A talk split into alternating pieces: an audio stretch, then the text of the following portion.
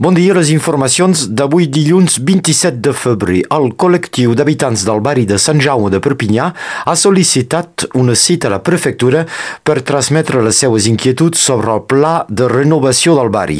Reunit a finals de la setmana passada, el col·lectiu demana explicacions i detalls del projecte de renovació que encara s'ha de validar. Les nombroses demolicions inquieten els habitants de Sant Jaume que demanen ser associats i consultats sobre el el futur del seu barri.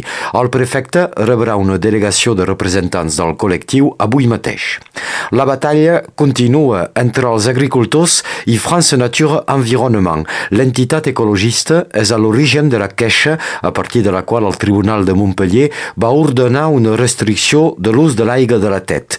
El portaveu dels joves agricultors de Catalunya Nord demana que el Consell Regional Occitaní retiri la subvenció de 50.000 euros que atorga a France Nature Environnement, una demanda que té el suport del sindicat FDSA i de la Cambra d'Agricultura. Les mesures de restricció de l'aigua són reforçades. La manca i les previsions a curt termini no només inquieten els agricultors. La prefectura ha oficialitzat que el conjunt de Catalunya Nord és ara en estat d'alerta reforçada i fins al final del mes d'abril. Mai no havia passat en ple hivern. És ara de fes de regar gespes, netejar el seu cotxe, d'omplir les piscines. Les capes freàtiques assoleixen nivells molt baixos i l'absència de pluges fa que no s'ha constituït cap reserva d'aigua als baratges.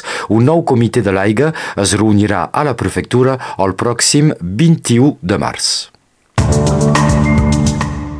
Una dada demogràfica inquietant. Al 2028, quasi la meitat de la població de Catalunya Nord no tindrà pas l'edat de treballar. La part de la població entre 20 i 65 anys serà cada vegada més feble i l'envelliment s'hauria d'accelerar segons les dades de l'INSEE. L'Institut d'Estadístiques preveu que les persones de més de 65 anys representaran el 40% de la població al 2070 amb una part considerable dels més de 70 anys. Una llau es va produir ahir diumenge al massís del Cambra d'Asa. Dos esquiadors la van provocar, els socors van ser alertats cap al migdia, els dos homes se van poder escapar escapar de la llau i van ser heliportats sants i estalvis. Els gendarmes d'Oceja, els pisters de Sant Pere dels Forcats i l'helicòpter de la Seguretat Civil van controlar la zona sense trobar més víctimes.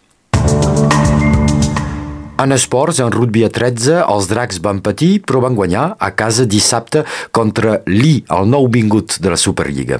Els catalans encadenen un segon partit a domicili, serà aquest divendres al vespre amb la recepció del FC.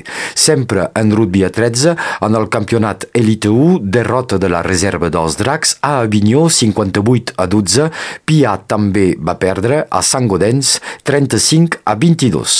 En rugby a 15, derrota derrota clara i gairebé previsible de l'USAP 43 a 7 a Bordeus, els catalans se centren ara a preparar el maig capital que els espera aquest dissabte amb la recepció de Bayona.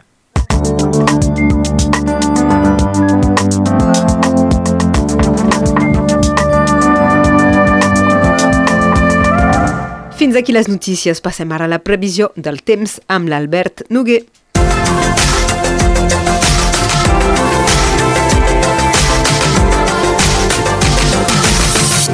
El temps d'aquest dilluns està marcat pel fred, amb temperatures per sota de les normals. Màximes de 6 graus a Salses, Palau del Vidre, Cabestany i Moritx, 5 a Sant Joan Pla de Cors i a Maurí, 2 al Tec, 1 a Nausà, 5 sota 0 a Montlluís. Es tracta ben bé de les màximes. El temps serà variable, però hi haurà cada cop més núvols de cara al vespre i nit, on hi haurà precipitacions febles però generalitzades sota forma de neu, potser fins i tot en cotes baixes. El vent serà fort amb ràfegues fins a 70 km per hora a la plana i a la muntanya. Demà dimarts continuaran les precipitacions però només al matí. Després, temps variable. Les temperatures es recuperaran una mica de 3 o 4 graus. Dimecres, temps variable amb estones de sol cada cop més llargues i les temperatures que guanyaran encara un parell de graus.